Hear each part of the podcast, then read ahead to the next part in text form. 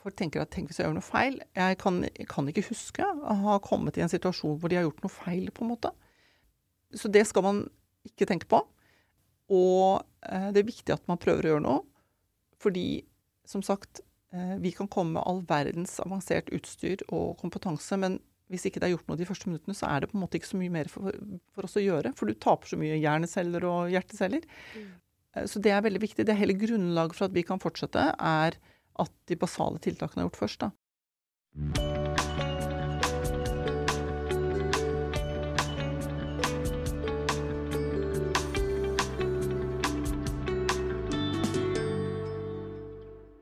Hjertelig velkommen til podkasten 'Leger om livet'. Mitt navn er Anette Dragland, og jeg jobber som lege. Jeg har laga denne podkasten for å gjøre nyttig, god og spennende kunnskap lett tilgjengelig for alle. Og jeg føler at dagens episode sjekker av på alle de tre kriteriene. For i dag så har vi en episode om akuttmedisin. Og det er et tema som faktisk er så viktig at eh, det kan faktisk redde liv. Så jeg er veldig, veldig glad og stolt over at jeg får ha denne episoden i samarbeid med Stiftelsen Norsk Luftambulanse. Og eh, Stiftelsen Norsk Luftambulanse jobber for at alle som er akutt syke og alvorlig skadde, skal få raskere og riktig medisinsk hjelp, uansett hvor i Norge de er. Og med meg i dagens episode så har jeg en gjest som er desidert en av Norges råeste damer. Liv Berit Stenseth. Hun er anestesilege og overlege i luftambulanseavdelinga ved Oslo universitetssykehus. Og som min eh, gode venn eh, Magnar Thorsen, som jobber som anestesilege på eh, OUS, sa til meg i går Han sa hvis kulen flyr og blodet spruter, så er det hun Liv Berit du vil skal være i nærheten. Hjertelig velkommen, Liv Berit. Tusen, tusen takk for det, og tusen takk for å ha blitt invitert. Det er jeg veldig glad for at jeg har blitt. Jeg er så glad og takknemlig for at du hadde muligheten til å stille i dag. Du sitter på uendelig mye erfaring og kunnskap etter 22 år i denne bransjen, og har eh, ja, mange historier og mye du har vært igjennom på denne tida. Hva som har gjort at du har ønska å ha en såpass krevende jobb? For det er jo en krevende jobb du har eh, gått inn i. Ja, det er en krevende jobb på mange måter, kanskje, men jeg tenker ikke over det som det. Eh, for meg ehm, Jeg syns jeg er privilegert som får lov til å jobbe eh, med det jeg gjør. Først og fremst fordi det er Jeg føler at den jobben jeg går på hver dag, er meningsfull. Mm. Det er lett å finne mening i det man gjør, fordi vi er ute hos de sykeste pasientene, mest kritisk syke, og vi flytter de mellom sykehus. Eh, og vi er ute hos de eh, som er sykest utenfor sykehus. Og så samtidig så jobber vi i et veldig, veldig bra miljø, hvor vi jobber tett sammen eh, med kollegaer som er redningsmenn, piloter. Vi jobber med brann, politi. Vi jobber med forskjellige miljøer. da, og Så møter vi mange mennesker i forskjellige situasjoner mm. ute som vi må få til et samarbeid med. Og den måten å få et samspill på da, i teamene, få fram det beste hos alle. Spille hverandre gode til beste for de sykeste pasientene, det er veldig meningsfullt. Så jeg syns jeg er privilegert. Jeg tenker ikke på det som en krevende jobb, jeg tenker på det som en utfordrende jobb. Eh, fordi, og så er det veldig meningsfullt å klare å få til å få gjort noen ting for de sykeste, og prøve å få de til å overleve eller få best mulig utkomme. Mm. Det er veldig meningsfullt. Ja, fantastisk. Ja, det må være en veldig meningsfull eh, jobb, og du er jo virkelig hands on. Det er en praktisk jobb. Du sitter jo mye, med mye teoretisk kunnskap, men også veldig mye praktisk kunnskap. Hva skal man gjøre i ulike akutte situasjoner? Og det er jo det veldig mange av oss frykter aller mest, at vi skal komme i en akutt situasjon. For vi er så mange av oss er redd for hva skal vi gjøre i en akutt situasjon. Og vi skal gå litt mer inn på det. For du skal prøve å hjelpe oss, eller vise oss da, hva vi skal gjøre i sånne ulike mm. situasjoner. Men er det sånn at for å gå inn i en sånn jobb, så må man være en naturlig rolig person? Det tror jeg egentlig ikke. Eh, man kan selvfølgelig ikke være den litt mer eh, hysteriske personen, men man behøver, jeg tror man, det viktigste er at man har et genuint engasjement for pasientene. Mm. Eh, og er litt entusiastisk. Og så må man kanskje være litt eh, sånn eh, paranoid på eh, detaljer, sånn at man forbereder seg. Fordi dette dreier seg ikke egentlig om å ta alt på strak arm. Dette dreier seg om å øve på det man vet man kan komme ut for, sånn at man klarer å håndtere det når eh, man kommer i situasjonen. Det er ikke sånn at vi alt kommer sånn dumpende ned. Eh, vi får jo man får jo vite hva man skal ut på. Selv om det er mangelfull opplysning, så får man alltid vite noe. Man kan alltid bruke de minuttene til å forberede seg, mm. og det gjør vi. Vi gjør det ved at man tenker gjennom hva man skal bruke utstyr, dosene på medikamentene. Vi snakker sammen med de andre samarbeidspartnerne eller de andre i crewet på vei ut. Så snakker vi hva skal vi huske på nå, minne hverandre på hva vi skal gjøre. Så i stor grad dreier det seg mer om å være dedikert, entusiastisk og, å ha evnen til å strukturert forberede seg. Men hvordan klarer du å holde deg rolig i en så eh, akutt og kaotisk situasjon som det ofte kan være når noe alvorlig har skjedd? Eh, for det første så er det jo ikke alltid Man skal jo være litt gira ikke sant? for å yte best mulig. Eh, og så kan man jo godt se rolig ut utenpå og være litt hektisk inni seg. Men det dreier seg nok i stor grad om at dette er det vi jobber med hver dag. Mm. Eh, sånn at vi er jo trena i de situasjonene. Mm. Det er ikke sånn at dette er en ny situasjon for oss hver gang. Vi øver sammen i crewene og med samarbeidspartnere. Eh, og så er det som sagt dette vi holder på med, da. Eh, og så forbereder vi oss. Selv om vi, hvis det er fem minutter til vi er framme, eller om det er 30 minutter, så får vi vite gjerne mer og mer. Og da, eh, f.eks. hvis vi vet det er et barn, så er jeg interessert i hvor gammelt er det barnet, for da kan jeg vite omtrent hvor stort det er, og hva slags utstyr jeg trenger, og dosene på medikamenter og sånn, så øver jeg på det og regner gjennom det i hodet mitt på vei ut. Ja. Og så tenker jeg gjennom, litt avhengig av hva jeg hører, da. Hvis jeg hører at det er noen som er bevisstløse, så tenker jeg at OK, da må jeg trekke opp medisiner i tilfelle jeg trenger å legge vedkommende i narkose, da. Um, for å hjelpe de å puste, uh, blant annet, da. Sånn at um, det med ro dreier seg mye om at vi er trent til det, og at vi forbereder oss. Det kommer liksom ikke dumpende ned overraskende på oss, det vi møter. Mm. Så du har mange rekker du følger ut ifra hvordan situasjonen du hører, skjer? Sånn at du har gått gjennom de før du kommer til eh, stedet der eh, den situasjonen har skjedd?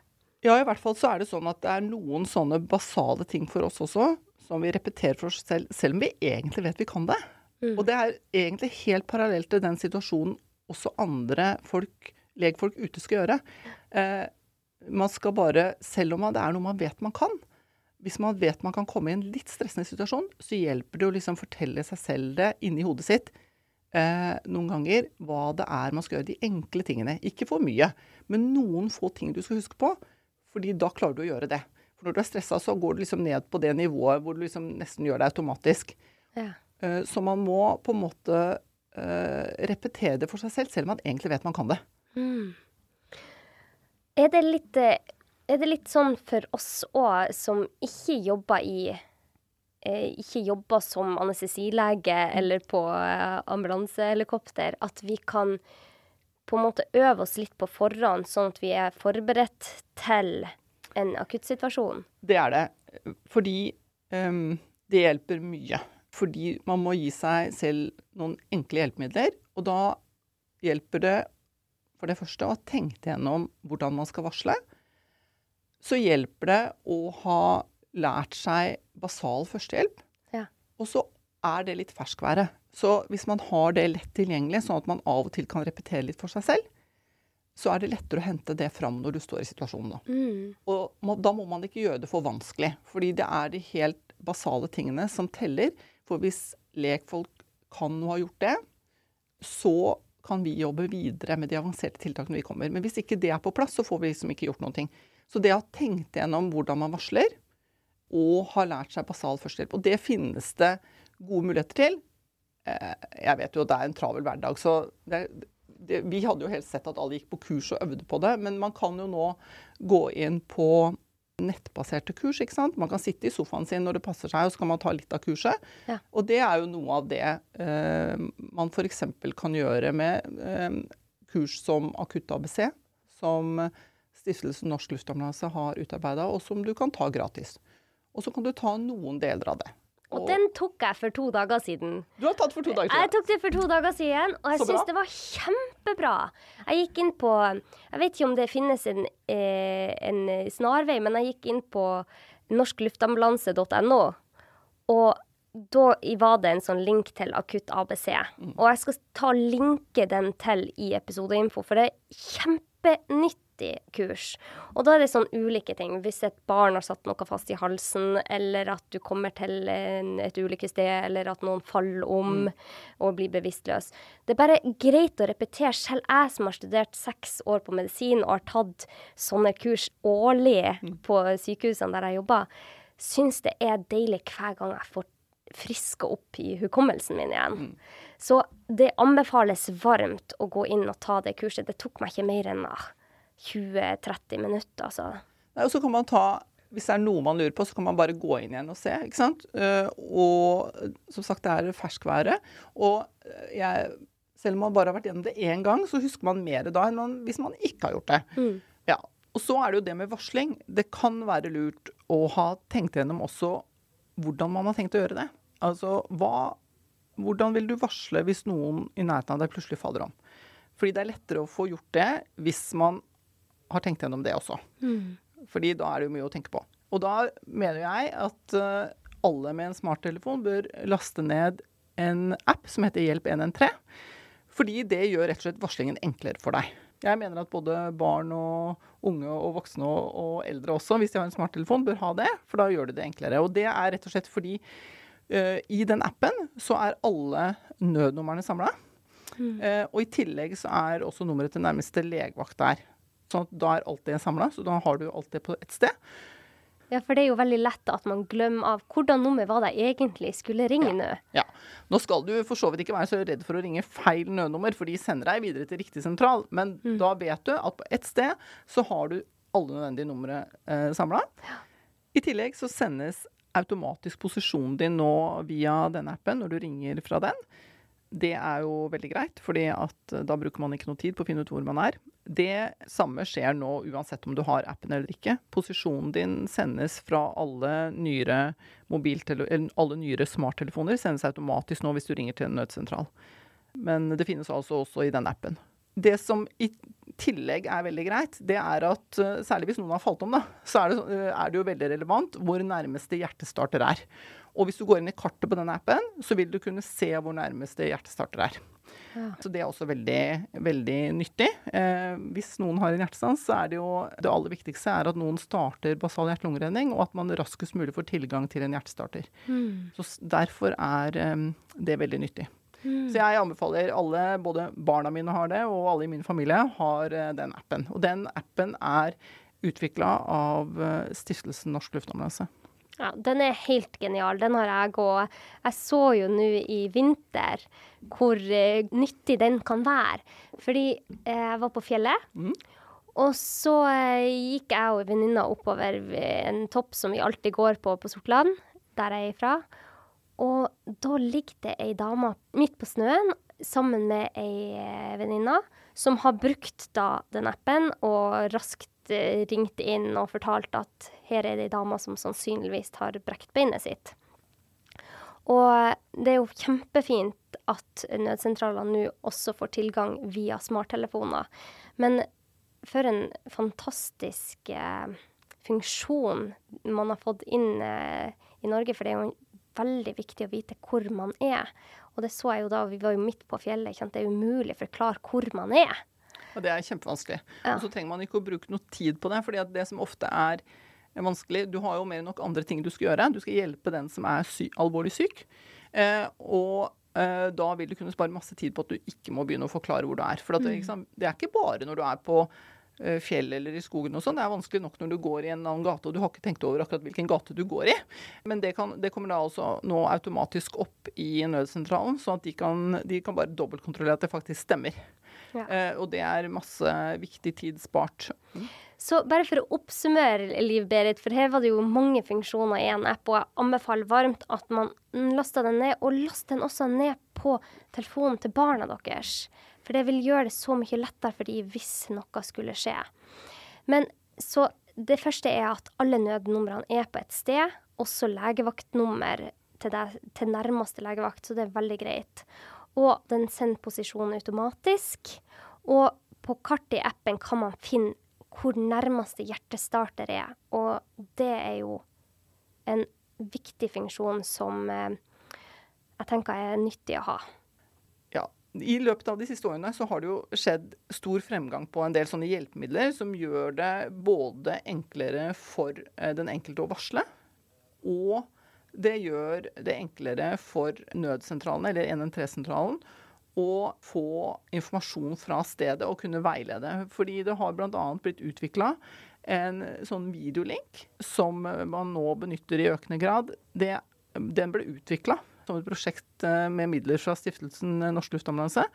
Eh, og den brukes nå i stor grad på NN3-sentralene. Det du da kan gjøre når man ringer inn fra en smarttelefon, det er at de kan sende deg en SMS med en link, og så gir du da, ved å trykke på den, N3-sentralen tilgang til ditt mobilkamera. Hm. Og da kan du jo da det se hva som foregår på stedet. Eh, de kan se hvordan det ser ut som pasienten har det. Eh, de kan se f.eks.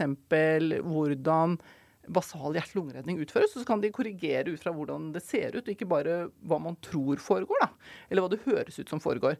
Så det er veldig, veldig nyttig for både de som sitter der, men kanskje også, helt sikkert også for de som står der, å kunne gi mer målretta veiledning til de som er på stedet, fra medisinsk personell som sitter og snakker med deg på telefon.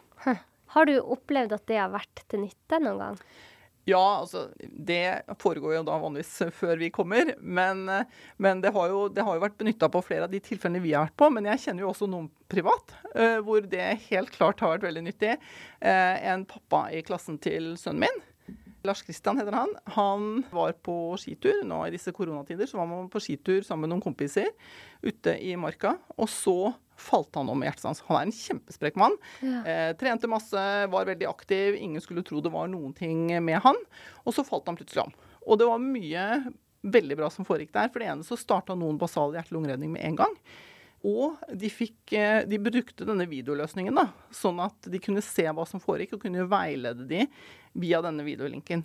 Mm. I tillegg så var det sånn at de så eksakt hvor de var hen, og kunne sende ambulanse med medisinsk personell da, eh, direkte til stedet raskest mulig, sånn at hjertestarter kom til veldig raskt, eller så raskt som det var mulig. da.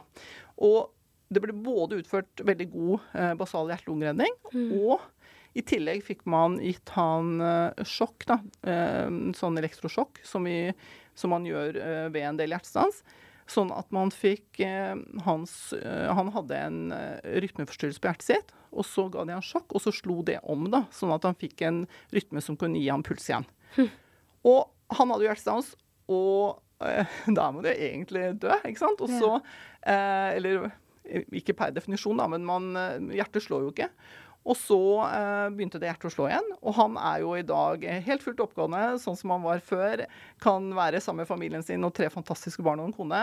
Mm. Og han har riktignok fått inoperert en hjertestarter, men han er eh, i full jobb og er i fysisk aktivitet. Og der teller jo virkelig minuttene. Så det at liksom, de kunne få god basal hjerte-lungeredning, det var raskt å få tilkalle hjelp, og de fikk opp posisjon med en gang, så hjertestarteren kom raskt til. Mm. Der teller jo minuttene, for for hvert minutt så taper du masse verdifulle eh, hjerteceller, og du taper, eh, du taper masse hjerneceller da, jo lengre det går ja. eh, før du får starta hjertet igjen. Så det, det, er en veldig veldig hyggelig historie. da. Jeg kjenner jeg blir helt uh, rørt av den historien. Fantastisk. Så det går helt, han er helt frisk og rask i dag? Ja, han har sikkert fått beskjed om litt hva han kan gjøre og ikke gjøre av sånn fysisk aktivitet. Men han får lov til å være fysisk aktiv. Men det er, vel, det er sikkert eh, noen sånne detaljer om eh, hvor mye han kan presse seg og sånn. Men han er en eh, fysisk aktiv familiefar. Og det betyr jo selvfølgelig kjempemasse for både han og alle de nærmeste rundt han. Så det er veldig, veldig det er sånn, Der ser man hvor viktig det er i praksis, da. Ja, tenk det. Ja utrolig. Nei, men nå har du snakka om Stiftelsen Norsk Luftambulanse, men da må vi jo få vite hva, hvem er egentlig de, og hva gjør de? Det er en ideell organisasjon som samler inn penger fra privatpersoner og eh, forskjellige firmaer. Eh, og så bruker de alle de midlene direkte tilbake for å utdanne både legfolk eh, til, i f.eks. Eh, basal førstehjelp, mm. til å utvikle app sånn som Hjelp 113. Og så bruker de masse midler til forskningsprosjekter i prehospitalmedisin, eller medisin som foregår utenfor sykehus, eller mellom sykehus. da. Mm. Eh, det er ikke de som drifter luftambulansetjenesten i Norge. Vi har en statlig finansiert luftambulansetjeneste. Vi er veldig privilegerte i Norge, har det. Mm. Så vi er veldig heldige på det. Men de er på en måte en add-on. De er med og bidrar med ekstra midler, sånn at vi kan videreutvikle tjenestene til beste for pasientene. Mm. Så det er på en måte eh, Vi samarbeider med dem, da. Og de har f.eks.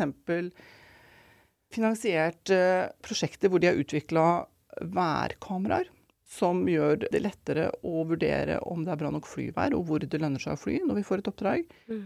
Uh, nå er det et prosjekt gående som jeg, jeg syns er veldig veldig spennende også. Det er mange spennende prosjekter, men de, nå er det også et forskningsprosjekt som går på um, transport av kritisk syke nyfødte, altså kuvøsetransporter mellom sykehus. Mm. Og se uh, hvordan dette foregår, for å kunne bruke det i neste omgang for å gjøre denne tjenesten best mulig. Mm. Eh, så det er på en måte et add-on til det den, den, daglige driften finansieres av staten, og så gir de ekstra midler, sånn at vi kan få lov til å videreutvikle oss videre ut fra det. Og de har noe av det vi ser, eh, som vi også bruker daglig, er jo eh, De har utvikla flyruter hvor de bruker GPS-posisjoner. Og det gjør at man kan fly sikrere i dårlig vær, da. Mm. og man kan fly en del oppdrag som man tidligere ikke kunne. Eh, mm. Det er jo mye dårlig vær i Norge. Og det prosjektet ble også iverksatt med midler fra stiftelsen. Så de på en måte gir ekstra midler tilbake til tjenesten for å prøve å få tjenesten enda bedre da, eh, og sikrere. Hm. Ja, og det er, jo, det er jo en ideell organisasjon, så de er helt avhengig av støttemedlemmer, har jeg skjønt. Men det er, men det er ikke sånn at uh, det er ikke sånn at uh, altså, Som sagt så er det Vi har en statlig tjeneste, ja. uh, så de prøver å bidra på toppen av det, da. Ja, ja. Mm. Og gjør veldig mye bra. Jeg bare tenker at vi skal gå inn på dette med hvordan din hverdag som anestesilege på luftambulanse For du jobber to steder, egentlig. Du jobber på gulvet på Ullevål sykehus, har jeg skjønt? Ja. Og så jobber du også i ambulanse. Men hva, hva, hva gjør man som ambulanselege? Eh, som luftambulanselege så er jo min hovedjobb er å bringe med meg kompetansen som jeg opparbeider meg inne fra sykehus, ut til de kritisk syke pasientene utenfor sykehus eller på transport mellom sykehus. Det er på en måte jobben min, da. Så jeg bruker på en måte den Vi bringer liksom sykehus ut til pasienten. Og Um, hvis det var det du tenkte på. Ja. uh, så min jobb er jo på en måte å utføre anestesilegejobben min uh, i en helt annen setting da, enn inne på sykehuset. Så hvis det er uh, en kollisjon med, med to biler, ja. så kan du bli kalla ut? Ja, da Vi blir jo ikke tilkalt på alle ulykker, men på de der hvor det er meldt om alvorlig skadde, ja. så blir vi tilkalt. Og da kan vi Det er mye vi kan med de, men vi kan eh, i tillegg til de basale førstehjelp, så kan vi også gjøre avanserte tiltak. F.eks. legge noen i narkose hvis det er nødvendig. Og det kan være nødvendig f.eks. hvis du har mye skader som er veldig smertefulle. Eh, det kan være nødvendig å eh, sikre luftveien, som vi sier, og legge noen i narkose. F.eks. hvis de har en hodeskade. Da prøver vi å beskytte og spare flest mulig hjerneceller, og noe av det vi da kan gjøre, er å legge det i narkose og puste for pasientene. Eller vi kan legge det i narkose og puste for dem også hvis det er eh, at de har problemer med pusten. Så vi kan, til, vi kan, gjøre de avanserte tiltakene som man ellers ville gjort inne på sykehus, kan vi også gjøre utenfor sykehus, da. Fytti rakkeren. For du er jo trent på dette, og du, du vet akkurat hva du skal gjøre i ulike situasjoner. Men de færreste vet jo det. Men veldig mange av oss kommer jo til å møte komme i en akutt situasjon der, de, der vi trenger å være til hjelp. Det har jo skjedd mange ganger i mitt liv allerede. Mm. Og heldigvis er jeg utdanna lege, så jeg vet ofte hva jeg skal gjøre. Men dette skjer med mange av oss. Og hva skal vi gjøre i akutte situasjoner? La oss si at det var en eh, bilkollisjon, og du er den første som kommer dit.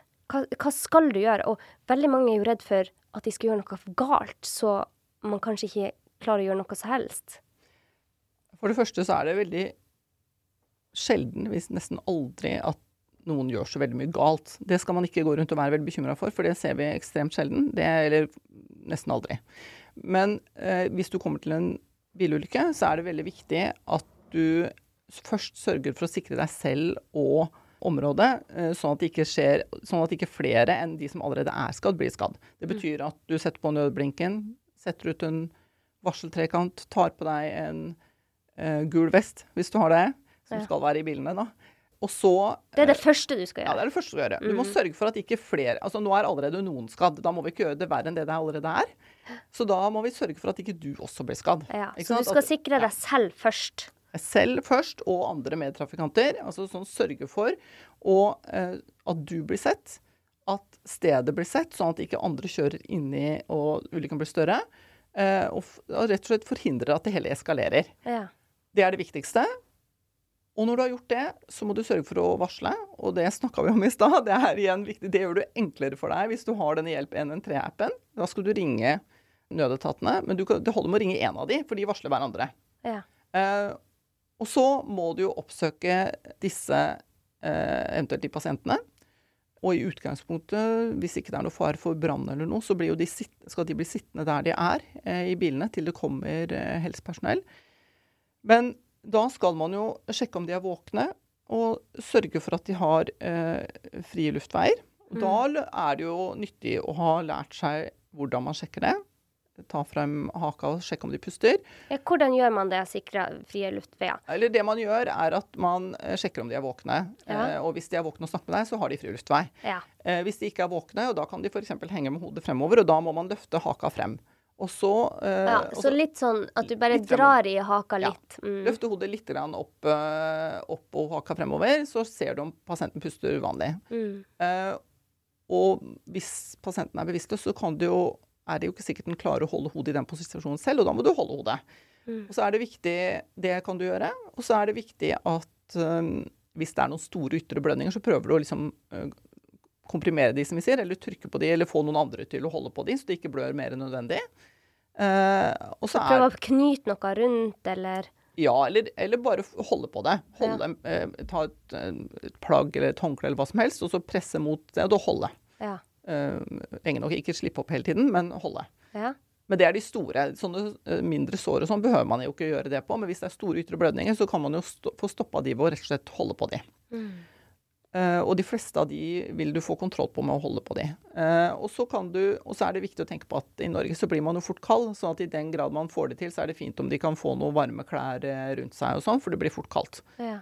Så det er på en måte eh, Og når du får gjort dette her, så vil jo de fleste Etter hvert så vil det gjerne komme til flere mennesker, og nødetatene kommer ganske raskt, men det er det viktigste du kan gjøre.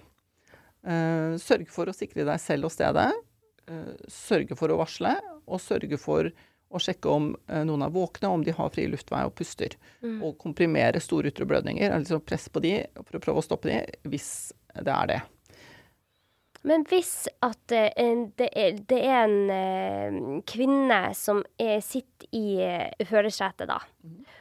og hun er bevisstløs, men hun sitter der, og puster, Ja. skal man løfte henne ut?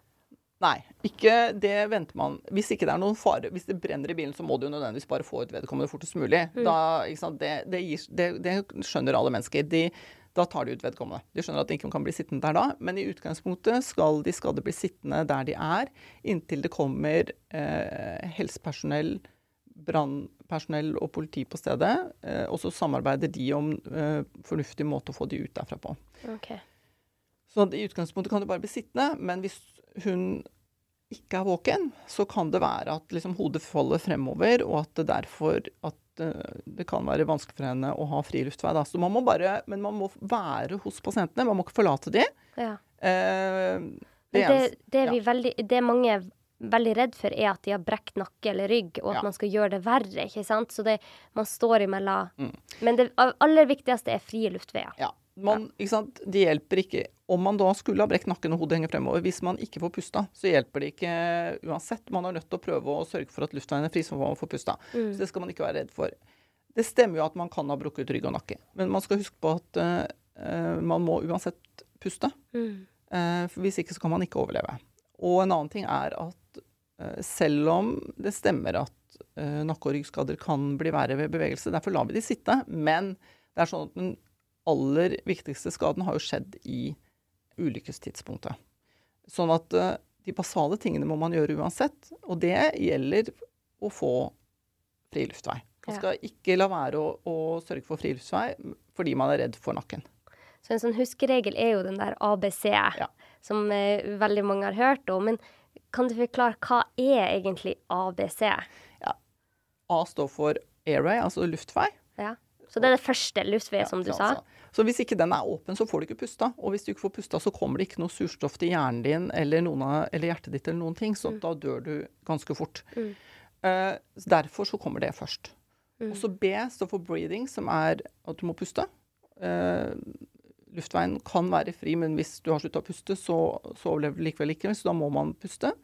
Eh, og så C er circulation, som altså er hvordan hvordan blod, blodsirkulasjonen i, i kroppen er da. Mm. Og det A, altså luftveien må være fri.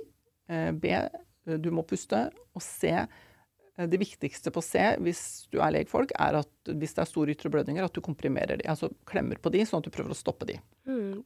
Og dette er en sånn veldig fin huskeregel uansett hvordan akuttsituasjonen man Ja. er i. Om det er et barn som har fått noe i halsen, eller en alvorlig trafikkulykke, Ja. så er det ABC. Bare tenk på det. Og gjerne gå gjennom det akkurat her og nå. At du ser for deg at du møter på noen som faller om på gata. Hva er det første du skal tenke på? A. Airways. B. Breathing, altså puste, og C. Circulation, altså om det er noen blødninger, og om hvordan sirkulasjonen er. Det, bare det å ha sett det for seg gjør det så mye enklere når du, hvis du en dag kommer i en førstemann til en ulykke. Og det stemmer. Og det er jo samme prinsippen vi bruker. Eh, og vi bruker jo også sammen med A, da. Så hører liksom eh, nakken, og det betyr at vi prøver å passe på luftveien samtidig som vi tenker på nakken. Men man kan ikke Man er nødt til å ha fri luftvei. Ja, OK. Ja, dette er kjempenyttig for meg. Jeg har masse spørsmål fra folk som, som, som hørte at du skulle være med i Dagliv, Berit, og lurte på hva de skulle gjøre. Jeg tenkte vi skulle bare gå kjapt gjennom noen sånne ulike scenarioer. Ja. For det er veldig greit for oss å bare mentalt være forberedt hvis noe skulle skje. Og det, det flest spør meg om, er hva skal jeg gjøre hvis barnet mitt får noe i halsen, eller de ser et barn få noe i halsen? Og jeg har jo vært i en, eh, en situasjon der jeg har sett et barn få noe i halsen, og det var veldig spesielt å se. For de bare uh, stoppa helt å puste. Det var bare sånn momentant, og øynene ble kjempevid åpne, og så bare satt han der. Og det var, det var veldig spesielt, for at man i hodet sitt så ser man jo først at de springer og holder seg for halsen og liksom blir hysterisk. Men han ble helt apatisk. Mm. Og så ble han blå. Ja. Det går fort. Ja. Eh, hvis det er helt tett, så går det fort. Eh, og da skal man ikke være redd for å gjøre noe feil, fordi at det må ut, rett og slett. Eh, og da gjelder det at å få lent barnet litt fremover. Hvis det er litt stort, så holder du det litt fremover. Hvis ikke så kan det ligge over fanget ditt. Og så slår du hardt med håndflata di mellom bak i ryggen, mellom skulderbladene, fem ganger. Fem ganger mellom skulderbladene. Og så ikke være redd for å ta i. Nei, slå hardt. Ja. Du skal slå sånn at det liksom får et lufttrykk der, så du får det fremmedlegemet ut. Ja. Hvis ikke det har kommet noen ting da, så snur du, og så tar du fem harde press øverst i magen, liksom opp under ribbeinsbuen. Ja. Ja. Sånn drar til ordentlig ved å holde bakfra på pasienten eller klemme forfra. Og hvis barnet er lite, så øh, klemmer du fem Trykker du fem ganger på brystet. Altså et lite, som For et spedbarn f.eks., eller en, øh, åtte-ni måneder eller ettåring, så kan du gjøre det. Så hvis du f.eks. har et øh, sånn åtte måneders gammelt barn for eksempel, da, liggende på magen i fanget ditt, så slår du det hardt fem ganger i ryggen, og så snur du det, og så klemmer du eh, og komprimerer da fem ganger på brystet. Og så gjentar du fem ganger på ryggen, fem ganger på brystet eller fem ganger øverst i magen. Ja. Og så, øhm, og så vil du øh, se etter om det kommer noe opp i munnen. Skal de være lent med hodet nedover? Ja, optimalt skal de litt Uh, enten fremover når du slår det i ryggen, og litt uh, eller nedover når du uh, ligger i fanget ditt. Eh, så skal de det, for da er det lettere for at dette fremmedlegemet skal komme Ja. ut. da. Men ikke tenk på alle de detaljene. Nei. Bare husk på at man skal slå de hardt mellom skulderbladene i ryggen Ja. fem ganger. Og så, hvis ikke det har skjedd noen ting, eh, klemme fem ganger på brystet hvis det er et lite barn, eller øverst i magen hvis det er et litt større barn. Men hva med Heimlich-manøver? Det Det, er jo- det man ser på videoer. Men det er ikke, det er ikke feil. Altså, det er det samme som å klemme øverst i magen. Ja, så ha- eh, dere, når dere ser for dere hvordan man har sett på filmer, Mm. der det er noen som får noe fast i halsen, og så går du bak han, og så trykker du hardt. Ja. Har løfta opp på en måte, og Ja. trykker han hardt i Ja. magen. Det er det samme. Det er det samme. Så du gjør ikke noe galt hvis du òg gjør den. Nei. Nei. Og så skal man ikke være så redd for å gjøre noe feil. Eh, fordi det viktigste er at man tør å gjøre noe fort her. Ja. Og så eh, I mange tilfeller vil du da lykkes med det, noen tilfeller vil du ikke. Og det er helt uavhengig om du gjør det riktig eller ikke. Du må bare tørre å gjøre det hardt. Ja. Ikke sant. Det er liksom eh, det er en foreldres største frykt. Ja. Og de som jobber i barnehager, de blir jo heldigvis trent opp i dette, men eh, som regel går det jo bra. Og hvis ikke det skjer noen ting, og barnet blir livløst, så skal man jo starte hjerte-lungeredning. Ikke sant? Mm. Man må gå over til det. Men hvordan starter man hjerte-lungeredning når det er helt fast i halsen? Altså, skal man puste ned i, eh, i munnen deres? Man vil jo eh, man vil jo prøve det for å se om man får ned noe luft. Får man ikke noe ned noe luft, så eh, kan man bare fortsette med Det er uansett nyttig å gjøre hjertekompresjoner. Hvis noen er livløse, så må man gjøre hjertekompresjoner. Og det er litt annerledes hjertekompresjoner på et barn enn voksen. Hva er forskjellen der? Det er jo i hovedsak kraften du bruker. Eh, og, men du skal jo trykke ganske hardt. Og så er det 30 kompresjoner og to eh, innpust. Men det er litt avhengig av settingen på små barn som faller om. Og da snakker vi ikke spesielt om fremdeling, men da snakker vi generelt. Da begynner man med å puste. Eh, og det er egentlig hele forskjellen. Men egentlig så syns ikke jeg folk skal bekymre seg så mye for det. Fordi det viktigste er at de starter med hjerte-lungeredning. Mm. 32. Det er bare husk 32. Ja. 30 kompresjoner, to pust. Ja. Og det trenger ikke være noe mer eh, komplisert enn som så. Og når man puster, så puster man liksom til man ser at brystkassa hever seg, og så gir man seg. Eh, så man behøver ikke tenke på hvor mye var det igjen, liksom. Brystkassa skal bare heve seg, og da eh, har man pusta inn nok. Men før det så skal man ha ringt Hjelp 113 på appen. Det skal man, vet du. Ja. Man skal, eh, for det, Nå snakka vi jo om fremmedlegg, var sånn vi kom inn på det. Men det er jo viktig at hvis noen faller om, så sjekker man om de er våkne, og om de har fri luftvei og puster, og så varsler man. Mm. På, der er også på barn så skal man jo der gi noen pust før man varsler. Fordi det er vanligvis at de slutter å puste som er grunn til at eh, barn blir bevisstløse. Men det er viktig å huske å varsle. Mm. Og ikke henge seg opp i at det er noen beskrevet noen liksom, detaljer i forskjellen på rekkefølgen der. Det tror jeg man skal tone litt ned. Ja. Husk på å sjekke om de er våkne. Sjekke om de har fri luftvei og puster. Varsle. På barn kan man med fordel gi noen pust før man varsler. Men eh, husk på å varsle. Og da er det jo kjempenyttig ikke sant? at man har gjort den varslinga enklest mulig for seg selv, så man slipper å bruke mye tid på telefonen og forklare hvor man er. Mm. Det er der det kommer inn at posisjonen din kommer inn opp automatisk, for da kan du fortsette å gjøre den hjelpen overfor pasienten. For de første minuttene er kjempeviktige. Det er lite vi kan gjøre hvis ikke de riktige tingene er gjort Mm. i starten. Men det er det veldig mange mennesker som gjør. Uh, og, eh, og man skal ikke være redd for å gjøre noe galt. Det er Mm. veldig viktig. Jeg kommer på en gang jeg, jeg var på eh, førstehjelpskurs, eh, og da var det en um, luftambulansesykepleier, er det det man kaller det? En, som, en sykepleier som jobber på luftambulansen som holdt kurset, og han fortalte at han hadde hatt sin ett og et halvt år gamle gutt med seg på en tur, og så plutselig så slutta han å puste. Og han skjønte ikke hva det var han hadde fått i halsen. Så han tok eh, disse eh, fem eh, trykk på ryggen og fem trykk på magen, kom ikke ut noe. Så, men så klarte han å, å holde seg litt kald, og så sjekka han inn i munnen hva som var. Og da da hadde gutten altså fått i seg det, du vet den etiketten som er rundt en colaflaske. Han hadde tatt den og stappa den i munnen, så det, stopp, det bare stoppa i selve munnen. Så fikk han fiska ut den, og så fikk han jo pusta. Men det er ganske Ja, og det er klart at det er mye rart som kan skje, da. Men det er klart at det hører med da når noen får noe i halsen, du hører med å åpne munnen og se om du ser noen ting. Du, kan ikke, du skal ikke putte fingrene inni der for å prøve å leite etter noe. Da kan du putte det videre bakover, men hvis du Ja. ser noen ting, så tar du det jo ut. Ja, Det gjør du. veldig greit. Mm. Og så er det jo lurt å ha, ha sett på, eller enten gått et kurs, eller ha sett eh, eh, Altså gått gjennom sånn basal førstehjelp, for det er lettere å huske det hvis du også har sett det i instruksjonsvideoene, da. Mm. Det er det. Har du noen sånne historier du kommer til å tenke på nå når, når vi snakker om barn? Jeg har jo vært på veldig mange syke barn. Um, men det er klart at når det gjelder fremmedlegeme, Ja. uh, så husker jeg jo veldig godt uh, uh, en liten jente på ett år. Hun hadde, hun hadde sittet eh, oppi en sånn stor blomsterpotte med masse jord. Sittet og lekt og sånn. Hun var ca. ett år. Og så falt hun liksom så hun fikk den jorda over seg. Så, så dro hun liksom jord inn i luftveiene sine. Hvordan falt Altså, hun falt med krukka over seg, da? ja, på en eller annen måte så falt den jorda fra den krukka over henne. Ja. Hun velta.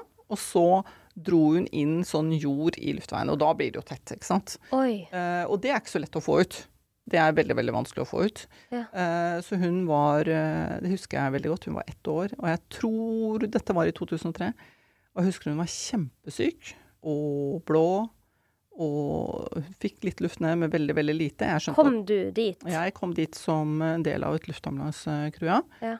Og der hadde jo foreldrene gjort det riktige. De hadde fått varsla med en gang og eh, prøvd å få det ut. Men det, var, det er helt umulig vet du, med sånn jord blanda med sånn slim fra luftveier. Det Ja. blir jo bare tett. Ja. Eh, så da skjønte vi jo det at, um, at hun, hun, var, hun pusta jo nesten ikke, så vi måtte jo hjelpe henne med det. Og, um, og det hjalp ikke å få sugd opp noen ting, for det er jo sånn, sånn tett sånn slim blanda med jord. Eh, er ikke så lett å få ut av luftveiene. Så henne måtte vi, jo, eh, måtte vi legge i narkose og putte ned et sånn rør i luftrøret hennes. Men det var jo masse jord der, så vi sugde opp det vi kunne. Og så var det vanskelig å få luft i henne. Eh, men etter at vi overtok, så fikk vi i hvert fall nok surstoff i henne. Men vi tenkte at hun var så syk at hun, at hun, eh, at hun kanskje måtte på hjerte-lungemaskin, så vi fløy henne direkte til eh, Rikshospitalet. Så der, fikk de, der fortsatte de behandlingen, da, og fikk eh, ut enda mer De gikk ned med en sånn fiberskop som jo titta ned, og så sugde de rein luftveiene. Vi hadde masse jord nedi lungene sine. Og så lå hun på pustemaskinen en god stund, og så lever hun i beste velgående. Så det er en veldig hyggelig historie. Så henne har jeg Grunnen til at jeg husker henne veldig godt også, er jo at det var en veldig spesiell historie. Den var tidlig i min karriere, og så eh, er det en veldig hyggelig historie. fordi jeg tror ingen som så henne den gangen, trodde at hun kom i beste fall til å overleve, og i hvert fall ikke uten skade. Men hun er fullt oppgående. Hun heter Adriane, og jeg får julekorta di hver jul. Så det er klart det er sånne hyggelige historier man har med seg. Eh, og moren hennes heter Marianne, og jeg husker hun var selvfølgelig kjemperedd, men veldig, veldig tapper. Og jeg Ah. husker at piloten som vi fløy med den gangen, han, han prøvde etter beste evne å trøste henne, selv om det ikke var så mye trøstende ord å få gitt da.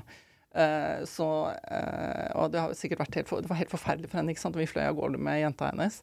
Eh, og jo, vi kunne jo ikke love at hun overlevde, men vi kunne love eh, at vi skulle gjøre alt som sto i vår makt. Og det er veldig viktig oppi det hele også.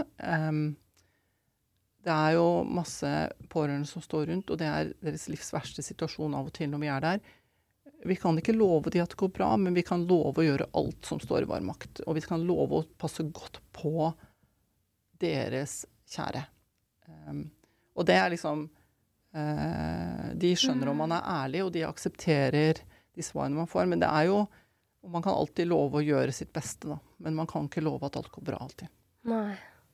Hvordan, hvorfor tok man luftambulanse til hun jenta? Hva, var det så langt unna? Nei, det var ikke langt unna. Det var på Skedsmokorset, så det var det ikke. Eh, men eh, der var det de som satt på NN3-sentralen. Eh, sammen med ambulanse underveis. Eh, de, det var nok litt uklar historie først. Eh, og så syntes de at hun hørtes eh, dårlig ut, og så var det det første Så de varsla oss. De syntes at, eh, sant, Hun beskrev at barnet ble blått. Ja.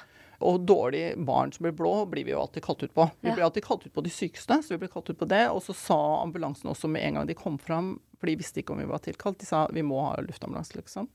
De gjorde en kjempejobb. De prøvde å holde luftveien fri og suge rent det de kunne fra luftveien til vi kom. Så det ambulansepersonellet som var først fremme, i tillegg til at moren gjorde det, eh, det riktige eh, og fikk varsla, så gjorde jo det ambulansepersonellet som var der, helt riktige. De, det var vanskelig å holde luftveien, så de måtte stå helt stille. De kunne ikke begynne transporten, de måtte stå helt stille og prøve å holde den fri inntil vi kom. Og fikk lagt den i narkose og, og eh, pustet for henne. Men det ambulansepersonellet som kom frem, gjorde også en veldig veldig viktig jobb. For de skjønte at det var så vanskelig å holde den luftveien at det eneste de konsentrerte seg om, var å gjøre det. Og det var veldig, veldig bra. De ga henne selvfølgelig surstoff og sånn, da. Så det, det er jo et godt eksempel på også at det er jo ikke sånn at vi vi kommer ikke som liksom de som ordner opp i alt. Vi er på en måte én brikke i et stort puslespill. Da. Og Ja. alle, alle brikkene må på en måte være der for at man skal kunne redde liv. Alt fra at legfolk får varsla og gjort de basale tingene, til ambulansepersonell, til brann, til politi. Det er det samspillet av aktører da, som er viktig for at vi kan få pasientene gjennom på best mulig måte. Da. Og det er, viktig, det er noe av det som er givende med jobben også, å være en del av et sånt større samspill, hvor du skjønner at alle brikkene må fungere best mulig sammen. Vi må spille hverandre gode, da. Mm. Så vi er veldig avhengig av tett samarbeid med mange samarbeidspartnere. Det er ikke noe sånn solospill, det her. Det er ikke noe, dette er ikke noe jobb for, eh, for, eh, for enkeltpersoner. Det er jobb for de som eh, eh, ønsker å være en del av team, teamarbeid og spille hverandre gode. Ja, dere må ha vært borti ganske mange historier i, i løpet av Ja. den tida, men hvor viktig det er at alle klarer å holde hodet kaldt og klarer å, å bidra med det de kan i en sånn situasjon. Selv foreldrene til hun jenta der klarer å huske på å ringe 113 og klarer å gjøre det de, de kan, i hvert fall. Så har det gått bra med henne. Det er en fantastisk historie. Eh, Jeg har også lyst til å spørre deg, for at dette er jo noe som kan skje mange, og som mange hører om, at en person faller om på gata. Mm. Hva gjør man da? Man eh, sjekker først og fremst om, om er, Hei, er du våken? Ikke sant? Man spør, eh, prøver å, å riste litt i det og se om de reagerer. Og så, hvis ikke de reagerer, så sjekker man om de har friluftsvei. Tar haka litt frem og, ser om, og sjekker om de da puster. Uh, og uh, hvis de uh, puster, så legger man det jo i stabilt sideleie og for, sjekker at luftveien fortsatt er fri. Hva er stabilt sideleie? Det betyr egentlig bare at du legger de over på sida, eh, og sørge for at de blir liggende i den posisjonen, så de ikke til, tipper over på magen eller bakover på ryggen. Eh, mange tenker 'oi, åssen var det med disse armene igjen og stabilt sideleie'. Ikke bry dere om det. Hele poenget er at du lar vedkommende ligge på sida, fordi da er det lettere med fri luftvei, for da kommer tunga frem. Og, eh, og da så sjekker du at det går luft ut og inn, og da er den fri. Og derfor skal du ligge på sideleie, både for hvis du kaster opp, så kommer det ut av munnen, og tunga faller ikke bakover og blokkerer eh, luftveien din. Men om armen er på den ene eller den andre måten og sånn, ikke tenk på det. Poenget er bare at du sitter jo hos denne pasienten videre, ikke sant? og passer på at den ikke blir liggende på magen eller på ryggen. Så ikke bry deg så mye om det. Legg de over på sida, og eh, ta hodet litt bakover, haka fram, sånn at eh, luftveien er eh, fri. Men jeg fullførte ikke egentlig hva de skulle gjøre, når noen Ja. om, men, men det er det som er stabilt sildeleie. Ja. Mange er bekymra for om de har armen på riktig plass. Det eh, ikke bry dere så mye om det. Sørg for at de ligger på sida, og pass på de. Men eh, når de faller om, så er det jo viktig å vite om de er våkne, om de er fri luftvei og puster. Og hvis de eh, Uansett, da, så skal du jo da Hvis de puster, så legger de stabilt sideleie, skal uansett varsle. Hvis de ikke puster, så skal du før du starter basal hjerte-lungeredning, eh, sørge for å varsle ved å ringe 113. Eh, og så skal du jo eh, starte basal hjerte-lungeredning.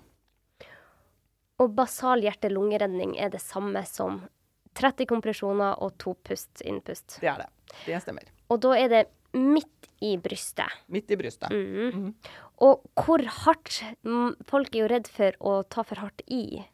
Det skal du ikke være så veldig redd for. Det er egentlig ganske hardt som skal til. Du må jo 5-7 cm ned og eh, ca. 5, da. Eh, Men du skal presse midt i brystet og med strake armer rett ned. Mm.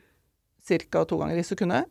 Og Det er ganske hardt, det. Og du skal ikke være redd for å brekke ribbein. Det er ikke farlig å brekke ribbein.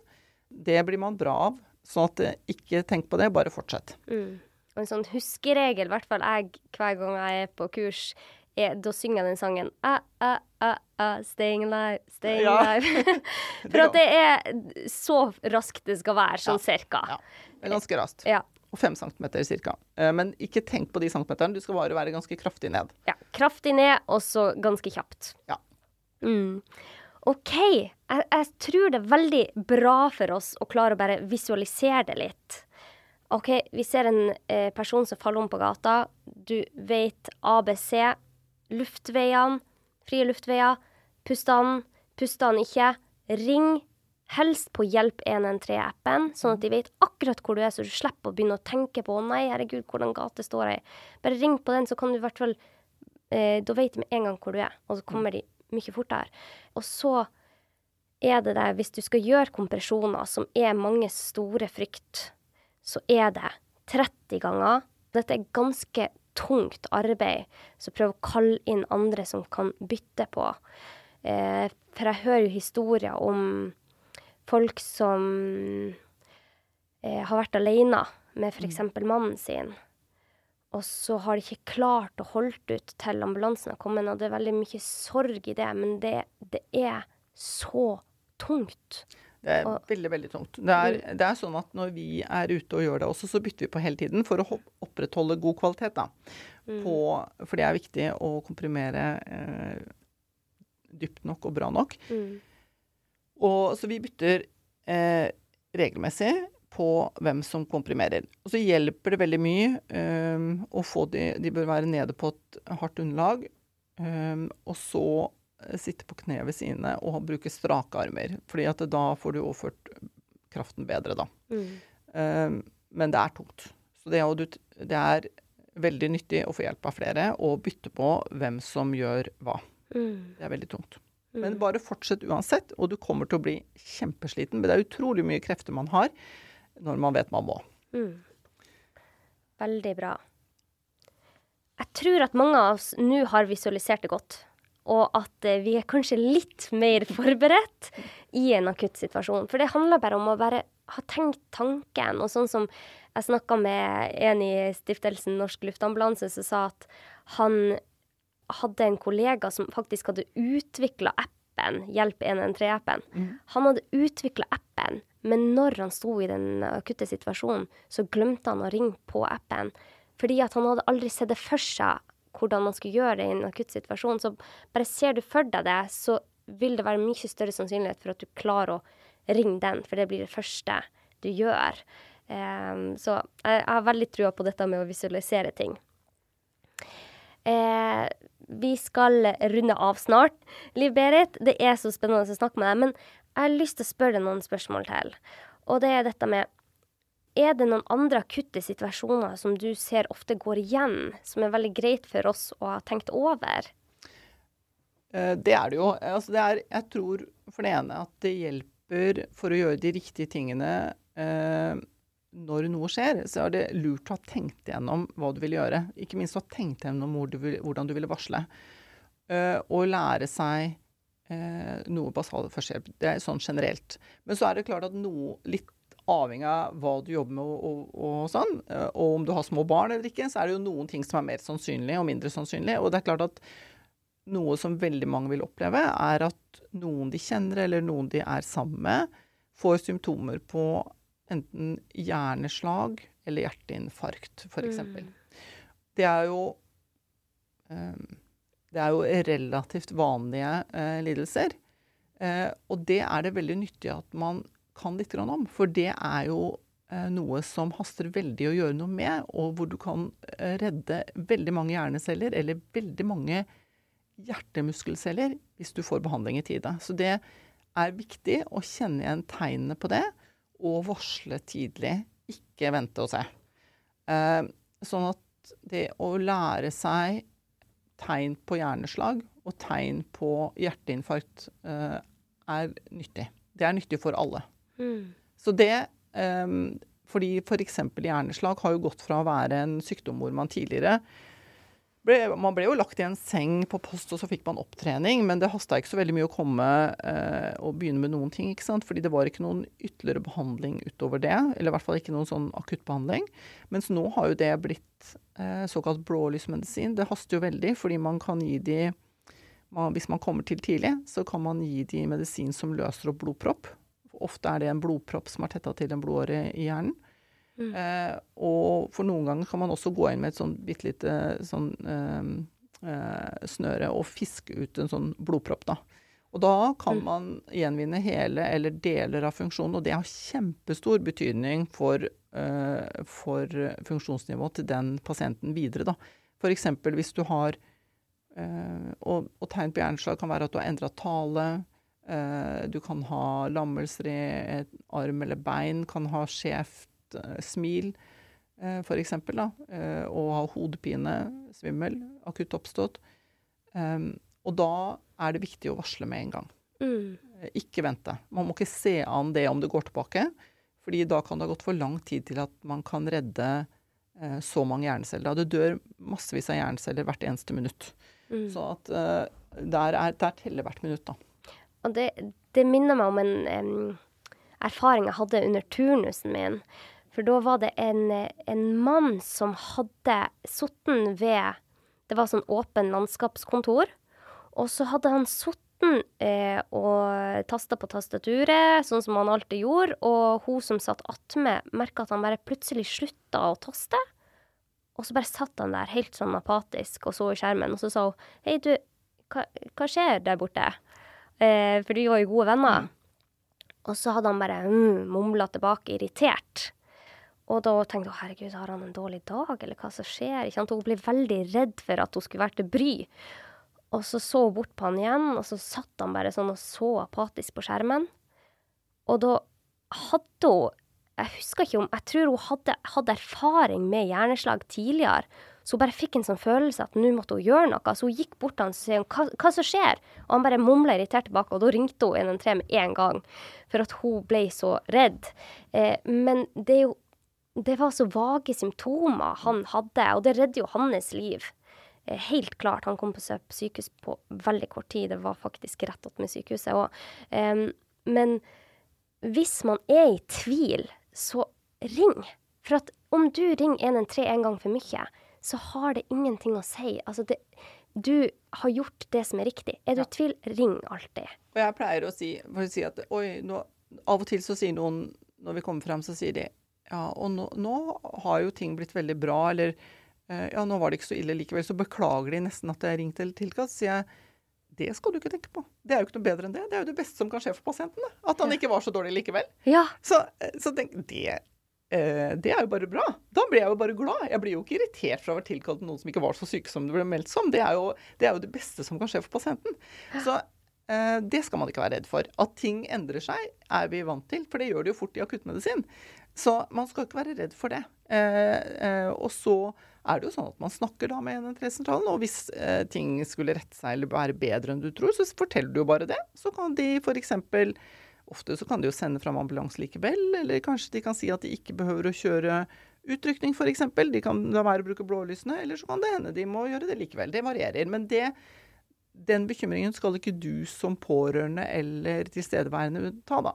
Hvis du er i tvil om det, så må du ringe. Mm. Og så går det jo an å lære seg noen ting. Du kan se liksom, hva skjer nå, liksom. Eh, hvis noen plutselig ble litt rare eller sånn, så kunne det jo Det kunne f.eks. vært en som du ikke visste hadde sukkersyke. Som hadde litt lavt blodsukker. Eh, men det er mye som kan forårsake det. Men det skal jo ikke du tenke på, liksom. Det må noen andre finne ut. Eh, men du kan prøve å finne ut mer ved å liksom sjekke Hei, klarer du å svare meg? Og så hvis de ikke klarer å svare, så vet du jo det. Eh, så kan du spørre om de kan smile, og hvis de smiler skjevt, så er det et tegn på hjerneslag. Klarer de å løfte begge armene sine? Eh, det er noen sånne ting, og det er også sånn man kan ta i et sånn akutt ABC-kurs. da. Så får du noen eh, tips om det. Og det er også sånn som er nyttig å kunne. Mm, det, det, gikk de gjennom på norskluftambulanse.no på akutt ABC. Ja, og det er nyttig der. å kunne, fordi det gjelder mange pasienter. Og det er ikke så lett Når noen ser syke ut, så er det litt vanskelig å vite hva er nå dette her. Mm. Og det er ikke så lett å se f.eks. at den ene armen er slapp, hvis ikke du ser etter det. Mm. Hvis vedkommende bare sitter der med armene ned, så, så ser du ikke at den ene armen er slapp hvis ikke du liksom ber, ber de løfte dem. da. Mm. Så du må på en måte uh, se etter det. Og det samme er hvis du får de til å smile, og de, uh, smilet er skjevt. Eller, uh, Mm. eller at de bare snøvler, f.eks. Hvis de har snakka helt vanlig for noen minutter siden, og nå plutselig snøvler, så er jo det feil. Det er noe alvorlig galt. Mm. Eh, og da må man ringe 113. Mm. Og det samme er jo med hjerteinfarkt, for det kan jo òg være så diffust, ikke sant? Ja. De føler at de får litt sånn trykk i brystet og blir litt svett, men nei da, det er sikkert jeg bare som har en litt sånn Har stressa litt for mye i det siste. Det er mange som bortforklarer det. Og det er jo viktig å vite det er viktig å vite de vanligste symptomene med sterke sentrale smerter i brystet som av og til stråler ut i hals, eh, skulder, armer, eh, ned i magen. Av og til blir man kvalm, får pusteproblemer. Men det er også viktig å vite at det er ganske mange med hjerteinfarkt som ikke har vondt i brystet. Mm. Som bare føler seg svette og klamme og veldig dårlige. Eh, eller får pusteproblemer. Så hvis man er, føler seg veldig dårlig og blir klam og svett, og, og det ikke bare var varte noen sekunder, så må man også ringe. Fordi det kan gi veldig eh, Det er ganske mange av de med hjerteinfarkt som ikke får vondt i brystet. Mm. Den, blant annet så er det ganske mange av de pasientene med diabetes eller sukkersyke som ikke får vondt når de får hjerteinfarkt. Og, og hjerteinfarkt kan gi ganske diffuse symptomer. Mm. Eh, og det er viktig å være klar over, da. Ja. vi, Og, ja, og kvinner. Kvinner Ja. har forskjellige symptomer. Så en studie at jeg tror det var 40% av kvinner som ikke, man ikke trodde det var hjerteinfarkt på før etter flere undersøkelser, for at de har så diffuse symptomer. Eh, Det, det er ikke den klassiske klem i brystet og stråler ut i Nei. venstre arm. så det er mer den å føle seg veldig, veldig dårlig. Gjerne litt eh, tungt, liksom, eller tyngre i pusten. Kvalm, uvel. Det når du begynner å sånn kaldsvette og bli veldig klam, eh, det er jo noe som er alvorlig galt når du plutselig gjør det. Så at de symptomene må man også ta alvorlig, da. Mm. Eh, Og det, viktig, det viktigste er at man er klar over at Og det gjelder både menn og kvinner, men at man kan ha eh, et hjerteinfarkt selv uten brystsmerter, selv om det er det klassiske tegnet, da. Så det viktigste i en akuttsituasjon, bare for å, å wrap it up, at man ser det for seg Hvis du er i en akuttsituasjon, eller selv merker symptomer som er uvanlige, så er det bare å ringe 113. Ja. Det er aldri feil. Og helst med appen, sånn at de vet hvor du er med en gang. Og så er det det der at eh, Som Ole Berit sier, du, du kan nesten ikke gjøre noe galt. Du skal ikke være redd for å gjøre noe galt. Det er mye bedre at du gjør noe enn at du ikke gjør noe. Det er helt riktig. Det er jo eh, Folk tenker at tenk hvis jeg gjør noe feil. Jeg kan, jeg kan ikke huske å ha kommet i en situasjon hvor de har gjort noe feil, på en måte. Det er, eh, så det skal man ikke tenker på. Og eh, det er viktig at man prøver å gjøre noe. Fordi, som sagt, eh, vi kan komme med all verdens avansert utstyr og kompetanse, men hvis ikke det er gjort noe de første minuttene, så er det på en måte ikke så mye mer for, for oss å gjøre. For du taper så mye hjerneceller og hjerteceller.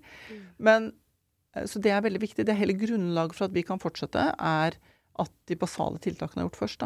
Og, og det er, man skal ikke være redd for å gjøre noe. Og mange er jo redd for at man skal få panikk og sånn også. Og det, det ser vi heller ikke. Det er en sånn myte det at folk gjør eh, ja, ikke klarer å gjøre noe for panikk og sånn. fordi at når man er der alene eller med få personer, så blir folk særdeles adekvate. og og de gjør som de får beskjed om. Mm. De er eh, på tilbudssiden eh, når det gjelder å bidra med ting og hjelpe til med ting. Så at det, det er en myte det at folk blir hysteriske og går i veien og ikke og hindrer arbeidet vårt f.eks. på skadested eller hjemme. Det, folk gjør ikke det. Folk er veldig, veldig hjelpsomme og adekvate og, og samarbeider utmerket. Så det er, de mytene må bare avlives. Det, sånn er det ikke. Jeg synes det er så, jeg blir nesten sånn rørt når du sier det, for at jeg føler òg at når det skjer akutte situasjoner, eh, alle de gangene jeg har vært oppi det, så er det så utrolig mange som stiller opp, og alle prøver å være til hjelp. Mm. Og sånn som hun som eh, nesten brakk foten sin da oppe på et fjell, så var, det, var vi til slutt eh, sikkert ti stykker som ga plagg til henne, Mm. så hun ikke skulle fryse i hjel mens hun lå der midt på bakken i snøen. Og det er så fint å se hvor utrolig samla vi blir når noen andre har skada seg eller er i en akutt situasjon. Det har du helt rett i. Og det er jo noe av det som gjør denne jobben så at jeg, at jeg er så privilegert som har den jobben også. Du møter så utrolig mye mennesker som drar i samme retning. Og det er, eh, så det er veldig givende å være i den jobben. fordi at når det liksom røyner på, da, så, dra, så forsøker alle å dra i samme retning. Og det er en veldig sånn god opplevelse å være en del av. Ja. Så det er ikke så rart om, eh, om, jeg er veldig glad for å ha den jobben jeg har. så eh, Det er min opplevelse av det, da. Ja. Eh, man møter liksom Til vanlig så møter man masse mennesker som prøver å dra i samme retning til beste for den som er syk eller skadd. Mm. Det er sånn jeg opplever det. Det er kanskje ikke alltid sånn det har vært fremstilt, men det er sånn jeg opplever det. Mm. Etter 22 år eh, erfaring med det her, hva har du selv lært midt oppi dette? Hva, hva føler du selv at det er viktig for, eh, for, å ha et godt liv? Det er jo et vanskelig spørsmål. Og um, det er jo ikke sånn man går og tenker på det hele tiden. Men det kanskje, som kanskje slår meg mest, og som jeg tenker på av og til, er at jeg er sammen med andre mennesker som ikke jobber med det samme. Da tenker jeg de skulle bare visst. Det er ikke en selvfølge at de går rundt her i morgen. Eh, jeg tenker at eh, det å ha, eh, ha god helse, være oppegående, ikke er en selvfølge. Du tar nok livet Jeg tror man lærer seg ikke å ta livet fullt så mye for gitt. Selv De fleste skjønner jo at man som eldre kan få sykdommer. De fleste har ikke forestilt seg at pappaen i familien skal bli syk, eller at barnet skal bli sykt, eh, eller at du skal bli kritisk syk av en influensa f.eks., eller sånn. Sånn at jeg tror man får, man får liv og død veldig tett innpå seg. Og eh, det viser jo på en måte Jeg tror jeg, man blir mer klar over enn folk flest, selvfølgelig, at det ikke er en selvfølge at man er frisk og, og, rask, og at det fortsatt kan endre seg, da. Det gjør jo kanskje at man tenker at vi må man må huske på å leve her og nå. Og så er jeg ikke flink nok til det, da. Men, men det er det jeg tenker, liksom. Mm. Eh, men jeg ønsker jo ikke å gå rundt og skremme folk og si at i morgen kan du være, ha falt om i hjertestans. Men, men, innimellom så slår det meg når jeg snakker med andre at de skulle bare visst at det kan skje, altså. Mm. Og det eh, Men jeg går ikke og bekymrer meg det for, eh, for verken meg selv eller familien min. Eh, men, eh, men jeg er nok ganske mye mer bevisste at det ikke er en selvfølge at man blir gammel, og at hele, hele, familien får lov til å oppleve at du blir gammel. Da. Mm. Eh, det er mye som kan skje på veien. Det er viktig å ta vare på, på uh, hver dag, da. Det er det. Mm. Det følte jeg Jeg føler denne episoden minner oss på hvor heldige vi er i alt. Og det var veldig fint, Liv Berit. Tusen hjertelig takk for at du tok deg tid til å være med i en episode med meg.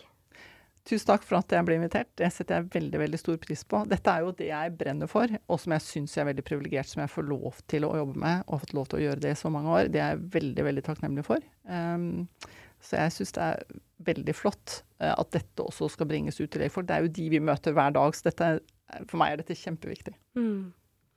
Hadde bare vi hatt en Liv Berit på ethvert hjørne.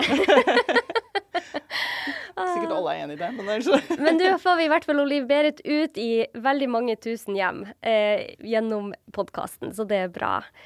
Hvis du syns at dette var en nyttig episode, så send den ut. For vi trenger å få denne informasjonen ut til alle.